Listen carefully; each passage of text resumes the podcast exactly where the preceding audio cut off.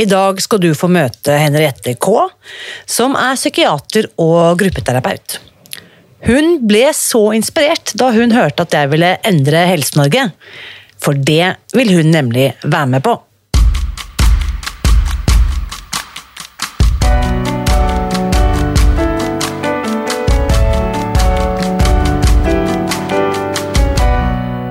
Mitt navn er Irina Lie. Jeg er journalist og forlegger, gründer og sosial entreprenør. I 2015 spiste jeg meg fri fra overvekt og fedme etter å ha slitt med vekt, kropp og følelser i nesten 30 år. Etter at jeg knakk koden, ga jeg meg selv et nytt oppdrag – å dele denne kunnskapen med alle som trenger det. I denne podkasten kan du derfor høre hele lydboken Spis deg fri. Den finner du ved å bla deg tilbake i arkivet og lytte til første sesong. Hver uke inviterer jeg nå gjester som gir deg påfyll til hodet, hjertet og magen. For min visjon er å endre Helse-Norge, og det får jeg ikke til alene. Du bidrar ved å abonnere på podkasten, skrive en omtale i iTunes og tipse meg om hvem jeg burde invitere hit. Da setter vi i gang med ukens episode. Innimellom så kan jeg få følelsen av at jeg stamper rundt i stummende mørke, og at ingen verken hører eller ser meg, eller enda verre bryr seg når jeg proklamerer uke etter uke at min visjon er å endre Helse-Norge. Men så en gang iblant så dukker det opp en engasjert ildsjel som sier 'yes, hører hva du sier, Irina', og jeg vil være med. Akkurat den opplevelsen fikk jeg da Henriette K dukket opp i innboksen min i sommer. Midt i fellesferien så skrev denne engasjerte legen en lang e-post til meg, som ble til enda flere e-poster, og nå har eh, hun og jeg altså møttes for første gang på Zoom og tatt en prat. Og den samtalen skal du få høre nå. Her er ukens gjest. Kjære Henriette, velkommen til podkasten. Tusen takk. Så denne samtalen har jeg gledet meg til. Jeg kan si det på datoen siden 5. juli 2022. Som snart er eh, ja, to måneder siden. Siden du sendte meg en e-post i sommer. Eh, fortell, Henriette, hva var det som gjorde at du denne sommerdagen satte deg ned klokken 13.57 og fyrte av en mail til meg? Dette må du fortelle om. ja, det var at jeg har hørt på din podkast en stund. Og så det her med at du vil endre på Helse-Norge. Og da fikk jeg så lyst til å, å uh, si at uh, du skal bare vite at det finnes folk som jobber i helsevesenet, som også ønsker å endre på Helse-Norge. yes. Og vi ønsker da å endre i samme retning, ikke minst. Fantastisk. Ja. Så da skrev jeg 'Jeg heier på deg'.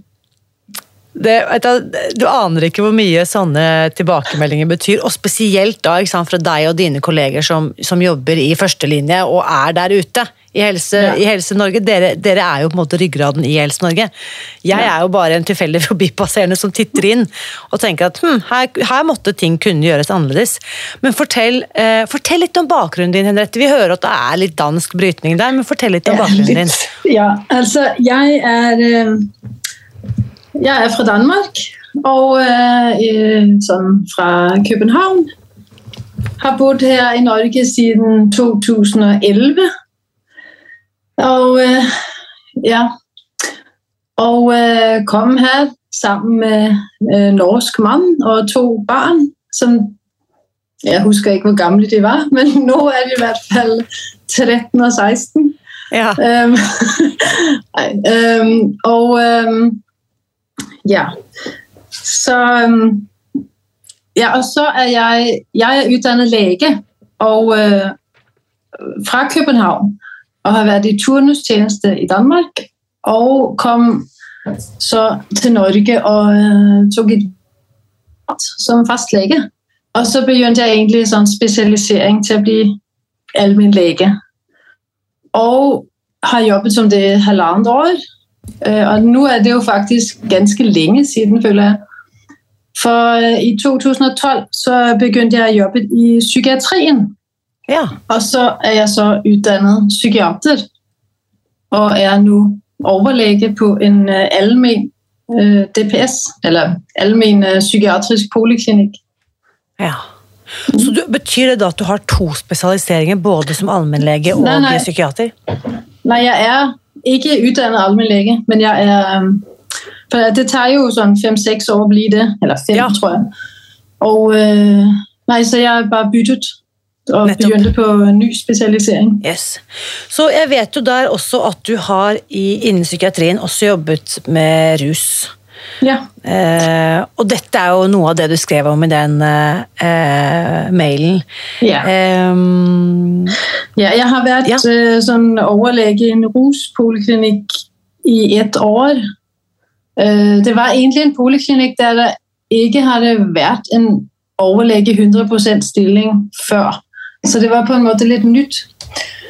Øh, men jeg var der ett år, og så har jeg vært på en døgnpost etter det i tre-fire år. Og nå jobber jeg så i allmenn poliklinikk. ja. Ja. Så det vil si at du møter mennesker med veldig mange forskjellige typer utfordringer. Absolutt. Alt mulig. I alt mulig, eh, inkludert det vi snakker om på denne podkasten, nemlig de som strever med mat og kropp og vekt og følelser og alt som hører til. Ja. Mm. ja. Og øhm, absolutt. Um, så vil jeg legge til at jeg også øh, utdanner meg til gruppeterapeut. Ja. Så jeg interesserer meg veldig for den her sånn, gruppeprosessen. ja.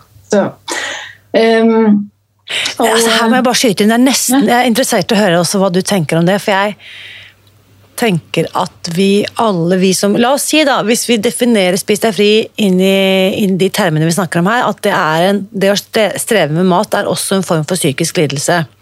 Eh, lettere psykisk lidelse, kan vi si, eller veldig alvorlig for mange. Men uansett i dette spekteret. Og jeg innbiller meg jo, og jeg har også hørt og lest mye om at vi opplever gjerne psykiske traumer i en gruppe, gjerne i en familie, som også kan regnes som en gruppe. Så på en måte mm, eh, avhengigheten eller eh, dysfunksjonen oppstår i en gruppe, og derfor tenker jeg også at det er veldig fint hvis tilfriskningen kan foregå i en gruppe. Slik at jeg får muligheten til å opparbeide meg tillit til et fellesskap igjen, som kanskje er blitt fratatt meg i den gruppen jeg vokste opp i, f.eks. Hva tenker du om det? Jeg tenker det er kjemperelevant. Uh, Men man tar jo med seg de mønstrene man har. Mm. Så man kommer jo helt automatisk, uten å tenke på det, til å ta med seg sin måte å relatere Ja. til familiemedlemmer på i en gruppe. Ja. Uh, du kan si det her fristed Facebook, uh, når det er liksom over 100 mennesker, så er jeg ikke helt sikker på at det er det, Der er det mer sånn stor gruppe, kan du si. Der er det på en måte litt annerledes. Men, men de, altså sånn en liten gruppe med en uh, åtte stykker, som det typisk er, der, der kommer det jo frem, det som man har med seg. Og jeg har jo gått mye gruppeterapi selv, og det som jeg synes er så interessant, er at han som sitter der borte på hjørnet, han kan plutselig bli en farsgestalt, eller hun der borte kan bli akkurat som storesøsteren min, eller de, de kjenner hverandre ikke engang, ikke sant? Men, men at disse andre typene i rommet blir liksom arketyper som representerer, eh, symboliserer disse personlighetene da, i mitt liv. Ja. Så det er veldig interessant. Mm. Ja. Men når det gjelder avhengighet, så kan man jo også se på det som en tilknytningsforstyrrelse. Yes. Og det syns jeg jo er kjempespennende. Fordi øhm, det her med at man øh, regulerer seg følelsesmessig med et eller annet. yes. Og det kan jo være alt. Det kan jo være trening. De kommer som regel ikke inn i psykiatrien, altså, men øh, jobb, workaholics, alkohol, amfetamin, øh, mat. Mm. Øhm, og så kan man si det her med å Altså, det her tar tid. Altså, vi snakker året. Men å øh, du, du har jo nevnt det her med, at- liksom med at avhengigheten den isolerer. Ikke? Mm. Så det her med å ha en, en gruppe du kan over tid knytte deg til, Yes. og så på den måte lære at øh, Hva skal man si erstatte Ikke erstatte den ene avhengigheten med den andre, men heller erstatte en følelsesregulering med regulering til Mm. mennesker. Andre Ja. mennesker. Ja. Å finne bedre strategi for å ivareta mine egne følelser, eller følelser av uro eller ubehag eller skam eller Ja. litenhet. Ja. Istedenfor å ty til mat, så kan jeg ty til fellesskapet. Mm. Ja. For regul altså, og, og så tænker jeg på, når vi altså, Der er jo masser af videoer om sånne ting, men, men sådan med små barn som Eller ikke masse videoer, det det her med at øh, barn og voksne at Barn lærer jo følelsesregulering i forhold til hvordan de blir møtt. Ikke? Altså, man spejler jo. Yes. Og, øhm, og der å øh, få hjelp som voksen til bedre å regulere følelsene sine. Mm. Å kunne det. det altså, det høres jo veldig enkelt ut når jeg sier det sånn. Det, det er altså ikke noe som bare tar tre uker. Det er jo år. Flere år. Det er min erfaring også. Det å, å ikke minst i møte med meg selv, opparbeide med den tilliten. da. Tilliten både til meg selv og til andre. At eh, jeg må på en måte lære meg på nytt at jeg kan stole på at jeg vil bli tålt og tatt imot. eh, og jeg eh, kan øve meg på å tåle å ha det vondt eller være usikker altså uten at jeg trenger å liksom døyve det. Og bare stå i det. Det er ikke gjort over natten. Det er også veldig Så- ubehagelig. Eh, Ikke sant? Og vi flykter jo helt naturlig fra ubehag. Eh, Ja. Det ligger jo på en måte dypt, dypt i oss. Du, du skriver også den første mailen Vi hadde jo en mailutveksling litt gjennom sommeren her, men eh, du har også møtt mange pasienter som selv sier at de strever med matavhengighet. Fortell litt om den pasientgruppen. Ja, altså Nå har jeg tenkt på det øh, siden da også. Øhm, men jeg, jeg tror, når jeg tenker over det, der er noen som, som er åpne om det. Men det er gjerne fordi der også er veldig mye annet. Um, um, ja, men det, jo, det jeg har kommet på, der. er, jeg tror faktisk, det er veldig, veldig mange av pasientene som egentlig har problemer med mat, men som ikke sier noe om det, fordi de tror ikke, det er et alvorlig nok problem Ja, interessant. er min fantasi. Um, det er det ene. Det andre er at jeg tror veldig mange ikke øh, ser på det som en avhengighet. Jeg tror det finnes mange med overspisningsproblemer som faktisk ikke helt øh, jeg vil på å si forstår, øh, selvsagt, de prosessene som skaper denne avhengigheten. Mm. Kan man jo godt forstå, altså. Um, Ja, og hvordan skulle de forstå det? For at Ja. det er jo ingen som snakker om det. eller det, på en måte, Denne kunnskapen har jo bare vært godt gjemt. Ja, hvor skulle de vite det fra? Mm. Men så er det jo noen pasienter som jeg har møtt opp igjennom. Og det var nok også derfor jeg skrev til deg. Det er fordi de følger de her opplegg som er i offentlig helsevesen. Og så lykkes de ikke med det. Mm. Og det er et forferdelig nederlag. Det tror jeg. Mm. Og, øh, og da er det at øh, nå, nå har jeg ikke undersøkt selv sånn, hvordan de egentlig øh, jobber, men, men jeg, sånn som jeg forstår det, så er det jo f.eks. noen klinikker hvor de øh, slankeopererer. Og det er ikke få pasienter som vi ser eller ikke, Det er ikke sånn kjempemange, det er ikke sånn, men noen som er slankeoperert, har faktisk ti år senere utviklet et alkoholproblem. Dette er kjempevesentlig og veldig viktig poeng. Og vet du hva, jeg har skjønt at det er ikke så rent få. Enten et alkoholproblem, eller fordi at de får ganske heftig smertestillende etter operasjon, at de utvikler et pillemisbruk Ja, i etterkant det- av operasjon. Mm. Og det tror jeg faktisk er fordi at de ikke har lært. At de har ikke kunnet jobbe med den her følelsesregulering. Mm. Så de mister jo en mestringsstrategi. Yes. Og hvordan skal de fylle det tomrommet som eh, maten etterlater? For det, det, det er jo fysisk umulig da å døyve eh, følelsene på samme måte som de kunne gjøre tidligere med mat. Ja. Eh, Og apropos det, fordi jeg vet jo, jeg satte meg jo ganske mye inn i dette her med gastrisk kirurgi for noen år siden, og de sier jo nå at det er en veldig trygg operasjon, det er kun én av tusen som dør eh, som direkte følge av operasjonen. Og så spurte jeg jo da, men hva hvis jeg utvikler et alkohol- eller pillemisbruk? Ja. og jeg dør av alkoholskade seks måneder etterpå, hvilken Ja. statistikk kommer jeg inn i da? Nei, da er det jo et alkoholdødsfall. Ja. Så vi vet jo ikke. ikke sant? Fordi at Hvis vi liksom bare har nok skylapper på og bare ser snevert nok, så kan vi si at det er bare én av tusen som faktisk dør på operasjonsbordet mens det foregår kirurgi. Men hvis vi ser på hvor mange tar livet sitt, hvor mange dør av annen type misbruk, hvor mange ikke sant? Hva slags livskvalitet snakker vi også om? da? ikke sant? Så det, det er så mange parametere her. Men jeg tror faktisk at legene ble kjempeimponerte over det man fant øh, i starten, tror jeg, med når folk fikk sånn gastric bypass, så forsvant type 2-diabetes. Ikke? Ja, ja. Og det tror jeg man har tenkt det var jo helt fantastisk. Og at det da, altså de fantastiske resultatene liksom overskygger eventuelle kostnader forbundet med? At det Ja. kan kanskje at de har sett seg litt for blind på oppsiden? Ja. Ja.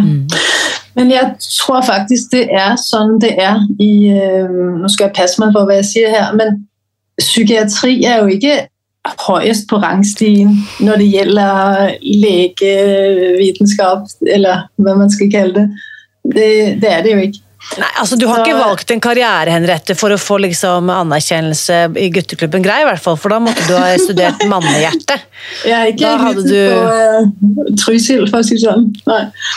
Men, um, men jeg tenker på at det er jo det samme med hvis du øh, altså en hodeskade. Det er jo også altså neurokirurgi, ikke sant? Men uh, kan alt mulig for, for, folk, for at folk skal overleve. Men det kan jo hende at de 15 år senere utvikler personlighetsforstyrrelse av øh, en skade, rett og slett. Hovedtraume. Det er jo senfølger. Selvfølgelig. Så det er jo ikke, altså, alt er jo ikke løst. Så hva tror du denne motstanden? Du skriver jo litt også om at det er veldig mange helseforetak som eh, har en sterk motstand mot å definere eh, matavhengighet, eller definere at det i det hele tatt er mulig. At de utelukker den muligheten helt. Hva tror du denne motstanden handler om, Henriette? Hjelp meg å forstå det. Um, ja. Øh, nei, det, jeg ja. Det, her, det er litt vanskeligere å si. Uh, nå kan jeg jo bli inspirert av hun som hadde podkasten sist uke, og da må jeg si uh, det er jo ikke noen penger i det. det, det er jo ikke noe altså, Det er jo ikke noe medikament. Nei. Det er jo ikke noe legemiddelfirma som skal, sette, som skal produsere en injeksjon til 5000 kroner du skal ha hver 14. dag, Nettopp. og som du skal ha på blå resept. Så det å fortelle folk at du kan spise brokkoli og egg og spise kylling og ris og ja. ikke sant? Eh, bananer og epler, det er det ikke nok eh, potensiell fortjeneste i for legemiddelindustrien. Ingen. Overhodet Ingen. ingen. Og så tenker jeg også, og så er det jo en annen ting også, samfunnet i seg selv. fordi det du egentlig promoverer, er jo også hva skal man si, ikke bare sånn kontroversielt, sånn, men det er jo også det ødelegger jo for Vinmonopolet og for godterisalget. ikke? Altså, Det er ganske sterke industrier som eh, trues av det at folk spiser seg fri. Det er ingen tvil om. Mm. Nei, så altså, det, det, er, jo- det er jo helt øh, Hva skal man si? Man er jo gal hvis man stiller seg opp og sier jamen, du kan jo ikke leve altså, Du kan jo ikke komme ut av denne her matavhengighet hvis du insisterer på at du skal ha en Grandiosa hver øh, søndag, og du skal spise taco hver fredag. Mm. Eller jeg husker ikke hvordan det er man gjør det her i Norge, men man har jo de her dager der man skal ha den der faste maten, som er taco og pizza. Det har jeg fått med meg. Og så er man også veldig glad i Pepsi Max. Og det er jo normalt. Det er jo det som er vanlig. Jo, og jeg tenkte litt på det i stad når du snakket om at folk kanskje ikke snakker høyt om det, og også fordi at de rett og slett ikke er bevisst på at det er et problem. fordi at den typen atferd, la oss si overspising, eller kontinuerlig beiting gjennom hele dagen, Ja. det er blitt så normalisert. Ja. Slik at alle andre gjør det jo. Dette kan jo ikke være noe galt. At jeg går og småspiser hele dagen, eller Nei. ikke sant? Vi har jo hørt om folk som drikker Pepsi Max fra de står opp, og til og med etter at de har lagt seg. ikke sant? Så men vi vet alltid om noen som spiser enda mer eller drikker mer, eller på en måte eh, har en livsstil som forsvarer min måte å leve på. da. Ja. Så, men fortell selv, hvordan kom du bort til Spis deg fri? Hva var linken? Hvordan, eh, hvordan, eh, hvordan hørte du om dette første gang? Vet, husker du det? Ja, egentlig så var det øh, via en podcast. Jeg tror bare, det var de her vanlige podkastene. Så, Ja. så plutselig kom der oppe et eller andet spis dig fri, og, og så hørte jeg på, på den, mens jeg gik i hagen og øh, ordnede et eller andet. Og så handler det om de her rundstykker i Rinas. Irina ja Og så tænkte jeg, hvad er det? Hvad er de laget av de her rundstykkerne? Og så tror jeg, etter hvert så lånte jeg boka på biblioteket, og øhm, jeg læste den, og tænkte, ja, jeg er ikke helt klar enda til det her. Ja, For du kjente at det traff deg også? Ja, ja, ja, Absolutt. Mm. Uh, ja, så jeg, jeg er ikke helt klar enda, og snakket med en venninne om det, og hun også sånn Nei, man kan ikke, jeg, jeg har ikke lyst til å gi opp alt det her kos. Nei vel, sånn. Men um, for meg så handler det om, at ja, fordi jeg har jo strevet med sådan cravings, så for meg er det ikke nødvendigvis kos. For meg blir det her bare en slags tvang øh, på en Yes. måte som øh, altså det, det er ikke øh, altså jeg kan jo godt nyte øh, absolut en god øh, kake, det er slett ikke det er noe god vin og sånn, og det ønsker jeg også, men men det, det blir jo fort til, at det blir sånn at, øh, at man, man lader ikke godteriskålen stå tom. Den skal, mm. øh, den skal tømmes. Mm. Og det er faktisk sånn hos oss at vi har ikke noe godteri i skapet. Ingenting. Selv med to barn på 13 og 16 i hus, så har ikke du Ja, men- godteri i skapet. Nei, for jeg skal ikke ha det, og sønnen min, han klarer ikke å la det være. Han spiser det, og han har ikke lyst til å spise det. Han, han er faktisk sånn at han blir irritert hvis han har... Nej, kanskje ikke irriteret, men altså han, han, er, han er sånn som sin mor, tenker jeg. Mm. Og øh, lillesøster hun, øh, hun kan godt spare på godteri. Det kan hun. Ja. Så, Hun, kan, hun, er, hun er av den eh, rasen som kan liksom ha en sjokoladeplate, spise to ruter, kanskje tre, og så la resten ligge til neste lørdag, liksom. Ja, lidt. Ja. Og det, jeg synes det var interessant den samtalen du refererte til med venninnen din. Hvor langt tilbake er vi når du oppdager denne podkasten og Rina-rundstykkene og låner boken? Hvor mange år, eller hvor langt tilbake er vi nå? Øh, jeg må faktisk innrømme jeg husker ikke om det. Nei, det var på sommeren, så det må ha vært for litt over et år siden. Ja, ok, ikke sant? Så, men det er interessant, for jeg liker eh, når jeg, når jeg på en måte hører hvordan folk snakker, eller sånn som du refererer til venninnen din. Nei, jeg er ikke klar for å gi opp den kosen. Og så, Jeg snakker jo veldig mye om mindset og hvilke ord jeg sier til meg selv. Jeg er ikke, er ikke villig til å ofre den kosen. Nei, ikke sant? Det, det er jo helt logisk. Hvorfor i all verdens navn skal vi ofre noe? Vi lever bare én gang, og sånn og sånn. Men hva hvis jeg da heller sier Nei, jeg er ikke interessert i å ha god helse ennå. Ja. Nei, jeg er ikke interessert i å føle meg bedre sånn riktig ennå. Jeg venter litt med det, takk. Så ikke sant? Vi kan endre disse her forestillingene om hva vi Er det enten noe jeg skal ofre, eller er det noe jeg skal få i gevinst? Ja. Nei, jeg vil gjerne utsette den gevinsten så lenge som mulig. Ja. Og det er jo akkurat den samme saken, men sett fra en helt annen vinkel, da. Men hvis man har en uh, ruslidelse, Mm. så, uh, så overvurderer man jo effekten av rusen. Mm. Altså øh, den gode effekten i nuet, og undervurderer effekten Yes. på lang, er, er ikke lykkede på lang sikt. Yes. Og det er her vi snakker om at eh, jeg velger den kortsiktige gleden som gir Ja. meg den langvarige smerten. Ja. Istedenfor å ha en kortsiktig smerte, takke nei til rusmiddelet, enten det er mat eller sjokolade eller eh, sprit, mm. som kan gi meg langvarig glede. Mm. Mm. Kjempespennende. Så jeg vet jo, Du skrev jo også i mailen din dette, Det var veldig spennende mail, jeg skulle egentlig ha lest opp hele mailen, men du, du skriver at ehm, du hadde faktisk lyst, det var mens du da jobbet på denne ruspoliklinikken, eh, hadde hatt lyst til å starte en eh, gruppe for pasienter med overspisingsproblemer, men, men dere kom ikke så langt. Eh, Tror du Helse-Norge er klar, klare for noe sånt etter hvert, eller? Eh, det skal jo implementeres i ledelsen. Ja. Um, nei, altså Det skal jo det. Der skal jo være noen i ledelsen som tenker at Eller som tenker at dette her er noe vi skal ha i vår øh, poliklinikk, f.eks. Mm. Eller i vårt DPS, eller i vårt sykehus. Og da bør det jo nok komme fra um, Helsedirektoratet. Ja. For det er jo de som bestemmer f.eks. sånne ting som at ventetiden må ikke være lenger enn sånn og sånn. Alle pasienter skal sånn og sånn. Øh, pakkeforløp. Der skal være en utredning innen sånn og sånn lang tid. Og behandling skal iverksettes innen det er gått x antall uker, eksempelvis. Mm.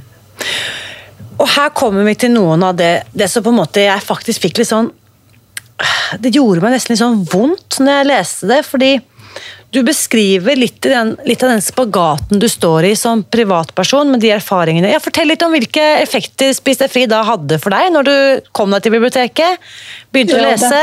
Du har kanskje Nei. testet Irina Rundstykker òg, for alt jeg vet? ja, jeg har det. um, uh, nei, men du, jeg meldte meg Jeg kjøpte kokeboka her i sommer. Ja. Og så fikk jeg med 14 dagers uh, kurs. Ja.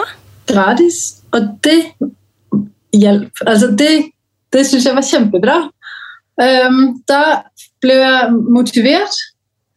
Um, og så føler jeg liksom jeg hadde en slags øh, momentum. Og så tenkte jeg nå skal det være. Nå yes. melder jeg meg på.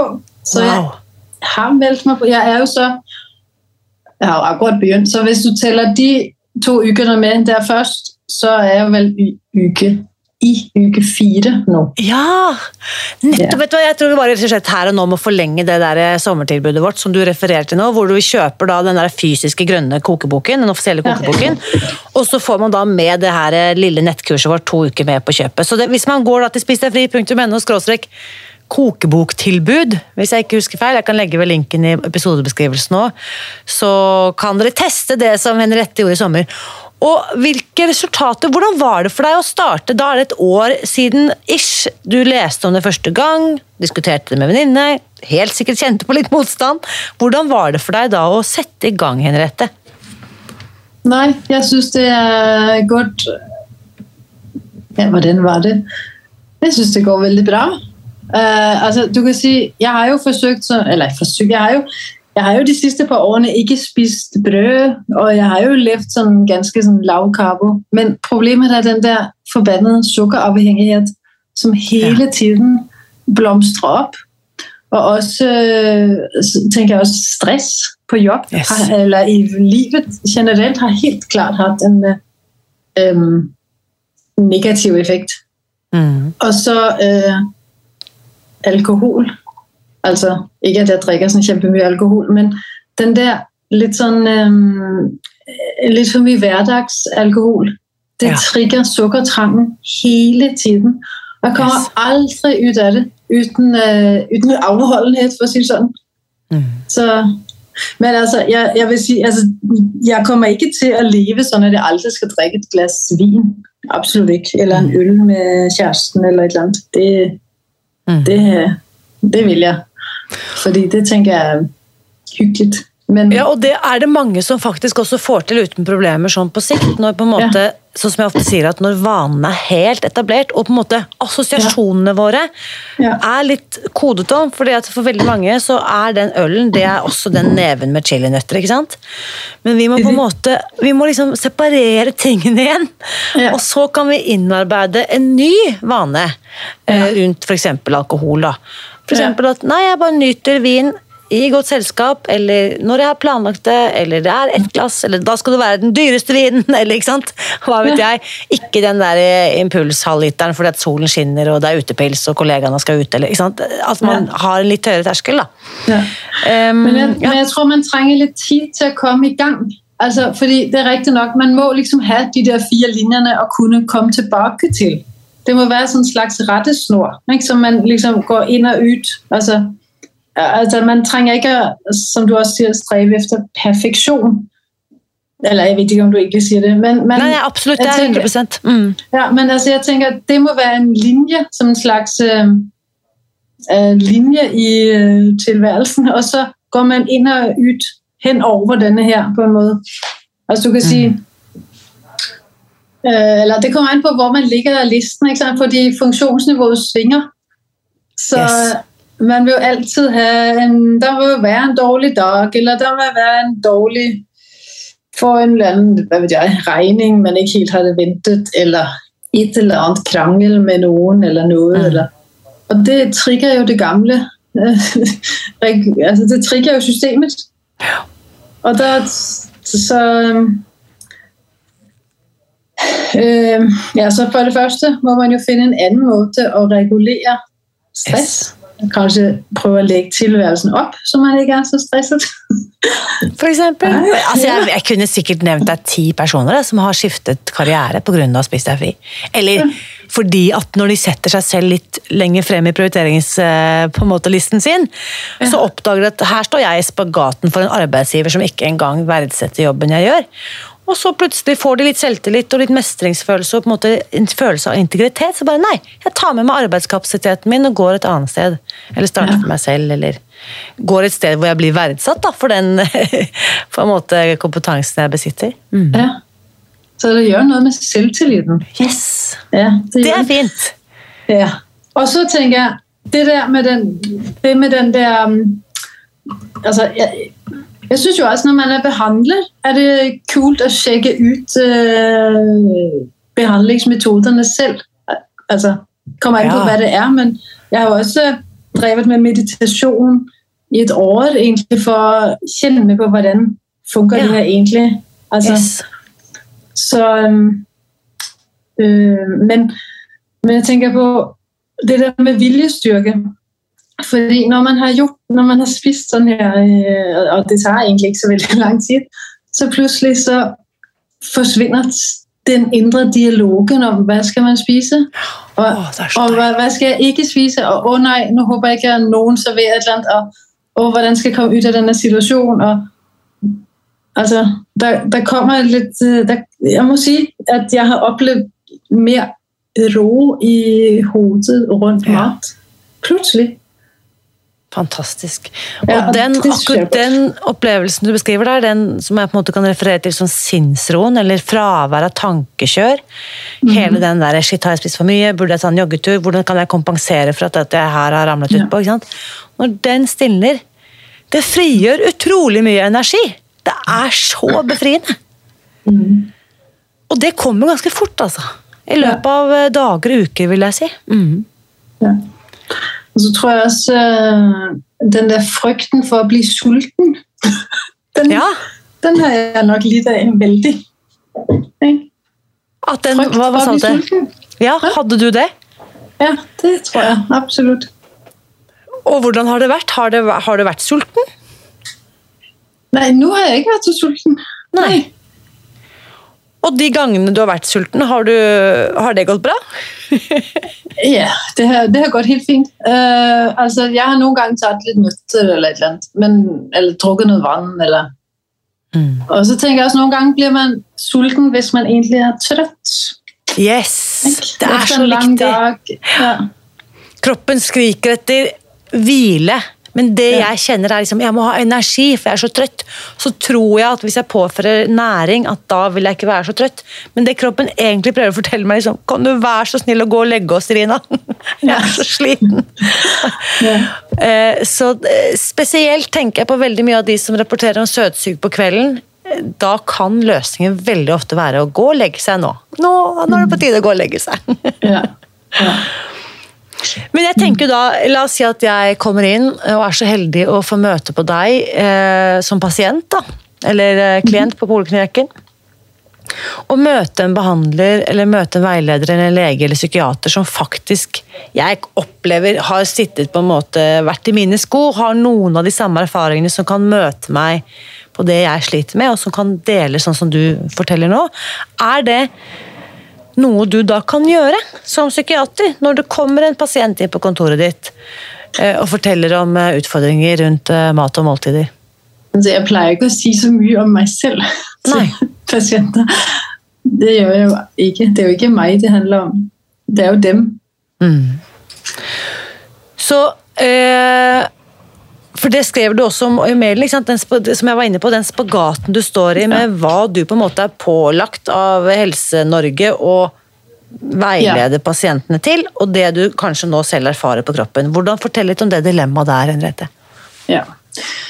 Uh, nei, altså eksempel de der Grete Rode og andre altså noen livsstilsforandringsklasser, der er, der er det jo, tror jeg, at man skal spise seks gange om dagen, og, og spise såkalt vanlig norsk mat. Og det, som man forsøker å lære folk, det er jo måtehold, tænker jeg. Jeg, jeg tolker det sånn. Man forsøker å lære folk måtehold. Men du vil jo aldri si til en alkoholiker, Ta du bare og drikk en øl fredag og litt lørdag. Nei, det er avholdenhet. Fordi det er jo det, som er hele pointet med en avhengighet. At den, øh, den trigges jo av litt. Mm.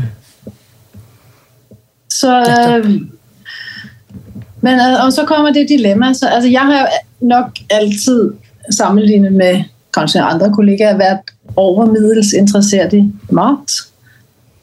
Og har også for mange år tilbake lest om sånn øh, Jeg husker ikke engang hva det het. Om det var sånn noe ernæringsfysiologi eller et eller annet. Men sånn noe med behandling av depresjon med mat. Det, det er altså ikke noe jeg praktiserer i hverdagen overfor noen pasienter. Men liksom det her med innholdsstoffene i mat, altså Yes. græskarkjerner som inneholder tryptofan, som egentlig er det som produserer serotonin og melatonin. Sånne ting. Det syns jo Som jeg er er jo helt vesentlige hormoner for, vårt, for vår opplevelse av velbehag, lykke, tilfredsstillelse. Ja. Så, um, men jeg, jeg, kan jo ikke, jeg kan jo ikke sige til en deprimert person, du skal bare spise noe mer gresskar. Så simpelt er det jo ikke. Og For all del. Nei, nei, og vi er jo kommet inn i psykiatrien, så det her er jo alltid mer enn et problem. Selvfølgelig. Det er Det jo... er- øh, Jeg vet ikke om du har lest i forlengelse av det med kosthold. Det som eh, Susan Pearce Thompson snakker veldig mye om, er jo, og hun er jo ikke den eneste som sier dette, her, det er at sugar is a depressant. Sukker fremmer depresjon. Hva tenker du om det med din fagbakgrunn? Jamen, det er jo så det. Jeg kan jo ikke bruke min fagbakgrunn til det. Det er jo ikke noe jeg har lært på mitt studie. Det jo, men hvis jeg skal si noe om, hva jeg har lest en gang av et eller annet jeg synes var spennende å lese om, så var det det her med blodsukkersvingningerne, som jo gir ustabilt humør, og, og den der blodsukkerfaldet gir en uh, tristhed, kanskje. Og, og, ja, altså at det er ja, blodsukkerfaldet, som gir ja, hva vet jeg, en eller annen dårlig følelse. Og det er jo ikke så rart, det er bare å tenke tilbake hvordan jeg selv har det, når jeg på en måte opplevde det veldig kraftige blodsukkerfallet. Det blir jo en, en følelse av energiløshet som gjør meg nedstemt eller tafatt eller Ja. håpløs. Så det er jo ikke, skal jo ikke så veldig rocket science til å tenke seg at disse to er tett forbundet. Jeg opplevde i hvert fall, selv om jeg ikke kan klassifisere meg som deprimert forut for at jeg begynte å spise meg fri, men jeg opplevde at jeg fikk et sånn voldsomt energiløft idet jeg kuttet ut sukker og mel. Ja. Jeg ble enda mer energisk enn jeg på en måte tidligere var. da. Mm. Øh, Altså, nei, men som, som lege kan man jo ikke, um, så skal jo det, man praktiserer jo være helst uh, på bakgrunn av forskning, Spesielt når man jobber på et sykehus. Det er klart. Øh, og um, jeg har jo ikke, jeg har ikke satt meg inn i, i, i de her ting sådan, i forhold til forskning og, og sånn. Men øh, jeg synes jo, at øh, altså det, det er et eller annet form for dilemma, når du ser patienter, som, som, som er overvektige og har vært slankeoperert for 20 år siden, og, og hvor mislykket de føler seg. Og, og så, hva skal man si? Nei, du skal bare ut og gå en tur og spise litt mindre. Det, det, og det kan man jo ikke. Altså, så... Men jeg, jeg tror hvis du introduserer liksom, uh, sukkeravhengighet som sådan, så, så er jeg litt redd at de tror man er helt uh, gal. Eller altfor enkel i tankegangen, eller et eller annet. Det er jo ikke ja, det... det som er problemet. uh, nei, det er kanskje ikke det som er problemet kun, men mm. Det er jo Altså men så er det jo det her med at folk vil jo fort spørre hva skal jeg spise? Når skal jeg spise? Mm. Og hva skal jeg si da? Jo. Ikke sant. Da kan du gå til Spis deg fri.no og smakebiter og laste ned gratis oppskrifter, hvor du kan komme i gang. Nei, men det? Fordi at Jeg tror ofte at det, når vi vet at det er den tacoen på fredager, det er den pizzaen på lørdager, og, og det er grillpølsen om sommeren, og pilsen og vinen og akevitten og alt dette her, og julematen og alt det her så når vi har på en måte bare gått i et, et, matspor, da, så er det så vanskelig å forestille seg alt det som finnes der, som vi ikke har testet eller ikke har prøvd eller ikke er vant til. Men altså, utbudet og, og menyen vår, altså det vi spiser det er jo grenseløst, og det er fargerikt, og det er godt, og det er sunt, og, og det er, gjør kroppen godt. Så jeg tenker liksom at eh, baby steps eh, Hvis jeg vet at det er noen som har levd på Sherrytomater, knaskerøtter og, og, en sånn boks med hummus fra Rema, liksom. Og har spist det til lunsj hver dag i, i, et år, for det er det som er tilgjengelig på jobb, eller det kan man kjøpe på vei på Rema, eller hvor, hvor det måtte være. Så tenker jeg, gjør det enkelt. Eh, det trenger ikke å, man trenger ikke å bli liksom eh, Eh, Michelin-kokk for, for, å håndtere denne livsstilsomleggingen. Da. Mm. Nei. Nå kom jeg på noe, egentlig, mens vi snakker om det. Det er jo en norsk lege som har utgitt en bok som jeg tror heter noe med hormonmetoden. Ja. Eh, og den handler om hvordan han sånn, trinnvis beskriver hvordan man skal kutte ut mel, sukker osv. Og, og implementere ja, grønnsaker og bevegelse og sånne ting. Ja. Nettopp fordi det blir jo en hormonforstyrrelse.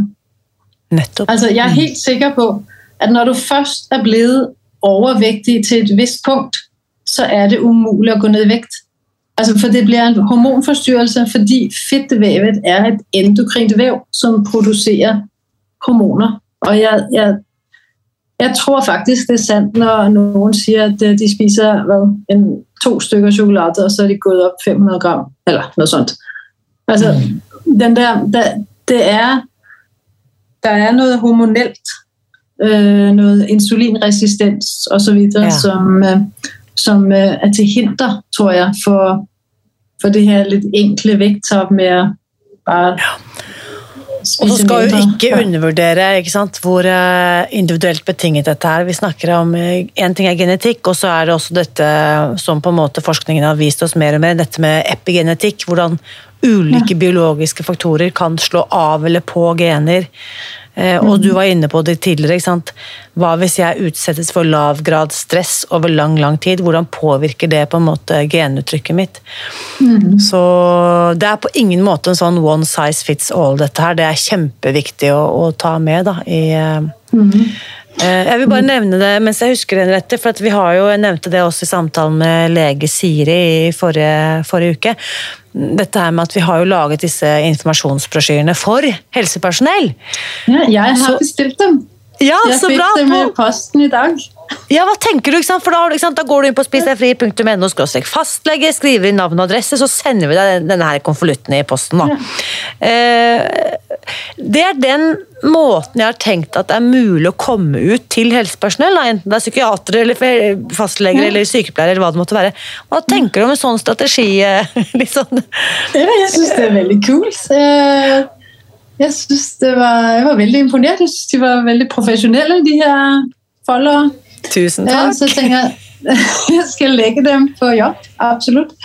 Um, så jeg tenkte litt sånn Skal jeg spesifikt gi dem til noen? Skal jeg bare si der ligger noen? Eller hvordan skal jeg liksom få gitt dem ja. til noen pasienter? Jeg har veldig tro på den der eh, litt sånn eh, passive Gjøre ting tilgjengelig på venterommet har jo jeg veldig troen på. ikke sant? For altså, Vi vet jo alle hva er det vi ikke sitter og blar i oss gjennom på venterommet. Der, der kommer vi jo over brosjyrer og Se og Hør og alt mulig rart. Uh, og på forsiden av denne informasjonsfolderen da, som du nå har fått, der står det 'Vil du ned i vekt?'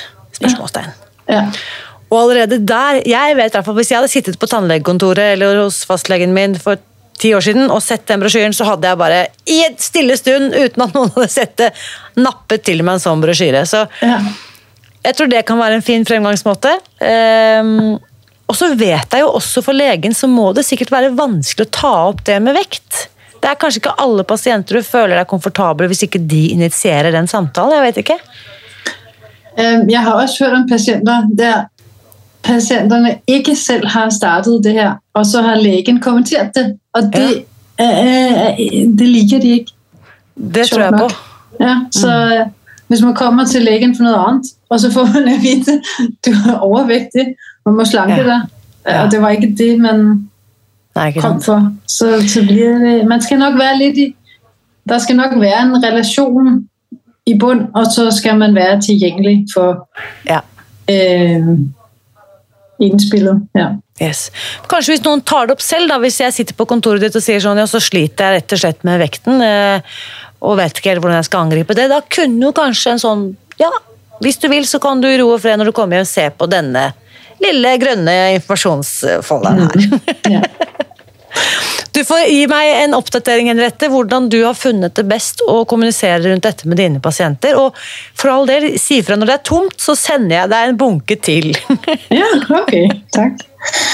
Ja, fordi at øh, Irina, du kan jo, vi kan jo øh, samarbeide en gang, der du øh, henviser åtte pasienter, som bruker å spise deg fri som uh, slankemetode, og så kommer man til gruppeterapi hos meg. Vet du hva, Du aner ikke, vet du hva, det sier jeg ja til på flekken. Dette er det jeg har drømt om, å kunne få til et samarbeid. Um, og jeg har faktisk vært i kontakt med um, Hvis jeg ikke tar feil, spiller for så vidt ingen rolle, men jeg tror faktisk det er din arbeidsgiver. Ok. Eh, Du har jo ikke sagt hvor du jobber, og det er for så vidt ikke så relevant, men jeg tror faktisk det er din arbeidsgiver. Og det som da var poenget, var at eh, jeg fikk tilbud om å Kan ikke du bare lære opp to sykepleiere, og så kan vi ha inn pasienter her, og så kan de fortelle pasientene hva de skal gjøre. Så jeg, men det er ikke sånn vi gjør det. Fordi det som er så vesentlig i Spis deg fri-metoden, og som på en måte jeg holder fast ved, uansett hvor eh, ressurskrevende det er, er at vi Dette er likepersonsarbeid. Ja. Så jeg deler mine erfaringer fordi at jeg har gått denne veien selv. Så er det det som på en måte skaper det rommet. Det skal ikke være nok en ekspert som skal komme inn og fortelle de der nede, de åtte der nede på gulvet som skal fortelle hva de gjør feil, eller hva de skal gjøre. Det er det at vi har en erfaringsutveksling. At vi på en måte, Selv om jeg har holdt på i syv år, og du har begynt for en måned siden, så møtes vi i øyehøyde med noen som sliter med det samme og forsøker å løse det samme problemet. Så når jeg da sa at jeg kunne sende ned to sykepleiere som selv hadde erfaring med dette, så ville jeg veldig gjerne, men der strandet samarbeidet. Fordi at eh, nei, det måtte være liksom to sykepleiere som var ansatt på det sykehuset, og de skulle liksom formidle dette til sine pasienter. Og det vet jeg at vil ikke funke. Dessverre. Så når du nå sier at du selv er i gang og har erfaring med det og har gjort deg dine refleksjoner, da vet jeg, da er utgangspunktet det er alt jeg trenger. Da er det bare å sette i gang. Når kan vi starte? ja, nå venter vi på. Ja. Nei, men jeg tenker på, Irene, jeg er jo psykiater, husk det. Så jeg tenker på øh, Hvis man tenker på øh, mennesker som er temmelig overvektige, øh, så tenker jeg at, øh, at det ikke bare Altså Noen ganger overvekten kan jo ha en funksjon. ikke sant? Altså Det kan være og der, altså der, der er jo det her, der hedder ACE-faktorer. Jeg vet ikke, om du kjenner det? Ja. Fordi jeg tror faktisk, det er en stor sammenheng mellom ACE-faktorer og... Og bare for å nevne ACE-faktorene, Dette er jo den studien fra Amerika som viser at uh, trøblete barndom gir trøblete voksenliv. Ja. Uh, adult child adverse reaction et eller annet. Hva, hva er det det står for ACA? Eh, ACE, unnskyld. Ja, hva var det nå? Adult? Nei. Childhood. Eh. Det er et eller annet eh, Jeg vet hva, jeg glemte. ja, Voksenlivets reaksjoner på barndommens traumer, da, veldig kort fortalt. Jamen, jeg tror, det, det er en studie av barn, Yes. Uh, og så er det at, at uh, altså hvordan uh, barn som har vært utsatt for misbruk, overgrep, neglekt eller andre ubehagelige livsomstendigheter, øh, at det påvirker deres voksenliv. yes. Her har vi Adverse Childhood Experiences. ACES. Ja. Øh, og der er det jo også at personlighetstrekk har jo noe å si. Arv og miljø, epigenetikk, hvem utvikler hva og når. Så, men jeg tenker en sånn gruppe der hvis man begynner å spise seg fri, ikke, så vil jo øh, mye av grumset komme opp, kanskje. Når, I takt med at ditt, din mestringsstrategi forsvinner, Um, så vil du jo nok komme i kontakt med en masse ubehag. Yes. Og det opplever jo sant, fra uke til uke og kursgruppe til kursgruppe at eh, det å kjenne at nå kommer ubehaget, og så oppleve at jeg er et trygt rom hvor jeg faktisk kan sette ord på dette. Ja. Og, eh, og det hadde jo vært enda mer fantastisk hvis vi kunne gjort dette i, sant, i, i samarbeid og fått dette i eh, og, og gjort en studie på det òg, ikke minst. Rett, altså jeg er helt seriøs, dette må vi bare sette i gang med. Jeg rekker opp begge hender, jeg er klar. Helse-Norge er altså, Jeg har jo tenkt det er mange måter å endre Helse-Norge på. Og Ekspressveien er jo det å få til forskningssamarbeid, prosjekter sånn som du beskriver her, det tenker jeg er det som må til. I mellomtiden så tar vi det liksom eh, snileveien med at vi forandrer én og én pasient som tar med denne kunnskapen tilbake til sine behandlere og sine fastleger. Da. Mm. Hvis noen hører det her, så kan vi jo stille opp til et pilotprosjekt. Vi, denne eh, Altså, nå Jeg vet ikke hvor mange år tilbake du har hørt i, i, eh, i denne her podkasten, Henriette, men det er akkurat sånn som dette at pilotprosjekter i Spis deg fri-regi er blitt født gang på gang. Okay. Det var sånn Fagsjef eh, Anna Frexelius og jeg hadde en samtale i episode 77, tror jeg det var. Hun var da på det tidspunktet fagsjef i Revmatikerforbundet. Eh, under et år etterpå har vi da en pilotstudie med 80 smertepasienter som spiser seg fri i ti uker, og reduserer smerteopplevelsen helt drastisk. Radikal funksjonsbedring i løpet av ti uker. Vi hadde også en, eh, en annen fantastisk lege som har vært med her et par ganger, Heike. Eh, takket være et innspill fra henne eh, i fjor, så lagde vi et fagseminar for helsepersonell 1.9. i fjor. Og det er jo akkurat ett år siden i disse dager. Så nå, Henriette, har du sådd et nytt frø. Nå blir det pilotprosjekt.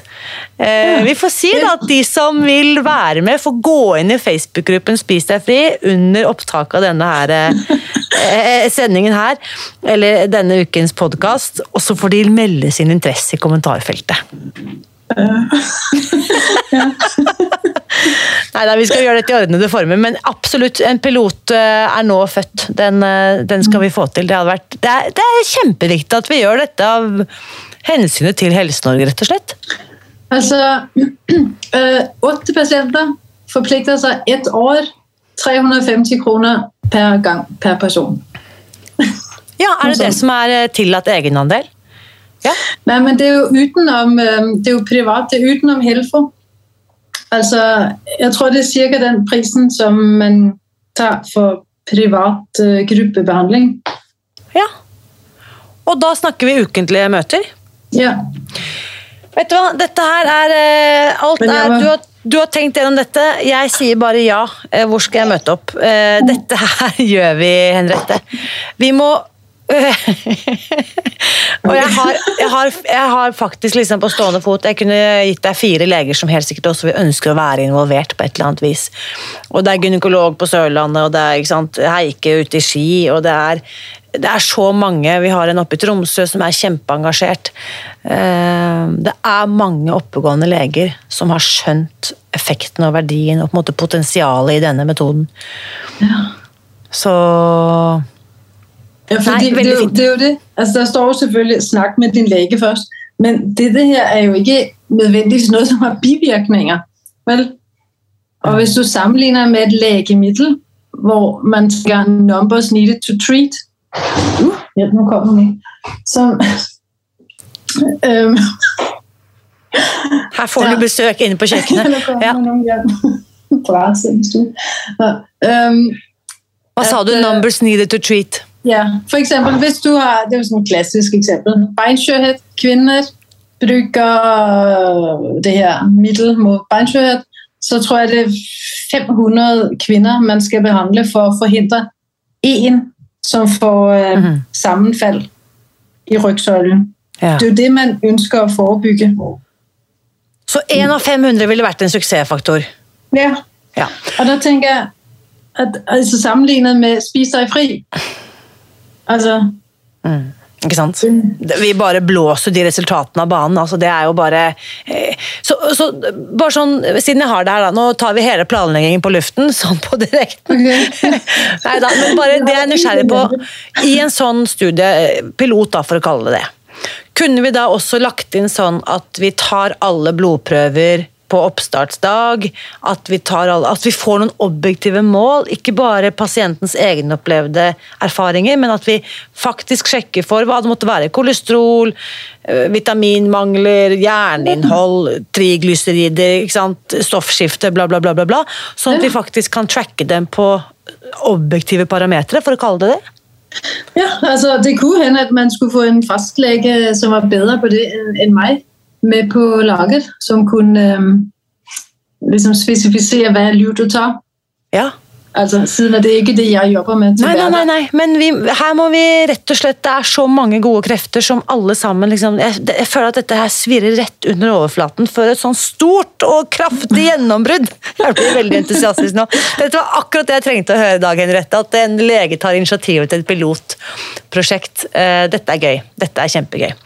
Kan vi ikke bare si det sånn, Henriette, at dette ble første del av en samtale som skal pågå veldig mye lenger, og at du rett og slett må komme tilbake til podkasten, både for å fortelle hvordan det går med deg etter både fire uker og fire måneder og fire år. Og så fortsetter vi samtalen, eh, og lover også å oppdatere våre lyttere på dette pilotprosjektet. Jo. jo. ja. det, det må få litt tid til å sementere seg og få plass i virkeligheten også. Jo, men nå har ikke vi truffet hverandre før, men jeg har skjønt, eh, Henriette, at du er også som meg en som får en god idé, og så setter du Så må du kanskje gjerne marinere litt, men så tar du faktisk action. Det at du sendte meg den mailen, og at vi sitter her og har denne samtalen, det er ikke tilfeldig. Nei. da sier jeg bare takk for praten denne gang, Henriette, så snakkes vi snart igjen. Mange takk. Selv takk. Nå lurer jeg på, hva tenker du etter å ha hørt min fantastiske samtale med Henriette i dag? Bli med over i Facebook-gruppen Spis deg fri og del dine tanker og refleksjoner der. Og kanskje fikk du skikkelig lyst til å være med som deltaker på dette pilotprosjektet, som vi nå har sittet her og planlagt mer eller mindre på direkten. I så fall så må du legge igjen en kommentar på Facebook-innlegget til episode 155, da, som eh, dette er, inne i Facebook-gruppen Spis deg fri, og melde din interesse. Eller kanskje du i likhet med Henriette jobber som lege eller er ansatt i helsevesenet eller jobber med pasienter med overvekt og fedme på annen måte, og kunne tenke deg å bidra inn til et sånt uh, ambisiøst prosjekt som å endre Helse-Norge. Så gjør det samme da også. Bli med inn i Facebook-gruppen og delta i denne samtalen. Jo, fordi jeg tenker jo at jo flere krefter som vi kan uh, samle, desto bedre. Og hvis du kunne tenke deg å få tilsendt disse infoheftene som vi har snakket om noen ganger, som du kan gi gratis til dine pasienter eller klienter.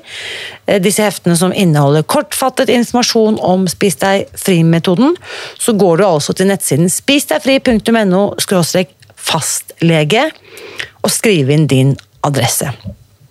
Da legger jeg en bunke med gratis informasjonsmateriell i en konvolutt til deg i morgen, og sender i posten. Helt uten kostnad for deg eller dine pasienter. Og så må jeg også da bare legge til, Henriette nevnte jo at det som fikk henne til å sette i gang med dette opplegget selv, eh, ett år etter at hun hadde hørt om Spis deg fri for første gang, det var altså dette kokeboktilbudet som vi lanserte tidligere i sommer. Det finner du ved å gå til spisdegfri.no kokeboktilbud. Og etter å ha snakket med Henriette i dag, så har jeg faktisk bestemt meg for å forlenge dette tilbudet, så du også skal få sjansen til å komme i gang. Det finner du på spisdegfri.no kokeboktilbud. Og det tilbudet går altså ut på følgende. Når du bestiller et fysisk eksemplar av bestselgeren Den offisielle kokeboken, som altså er en fantastisk fin og grønn bok. Når du bestiller den boken via våre nettsider, så legger jeg ved vårt mest populære nettkurs, som heter To uker, som en gratis bonus. Tilbudet koster kun 399 kroner, som da er veiledende pris på den offisielle kokeboken. Og du kan bestille dette tilbudet på spisdegfri.no kokeboktilbud. Og så skal jeg også legge ved link eh, til dette tilbudet i omtalen av denne podkasten.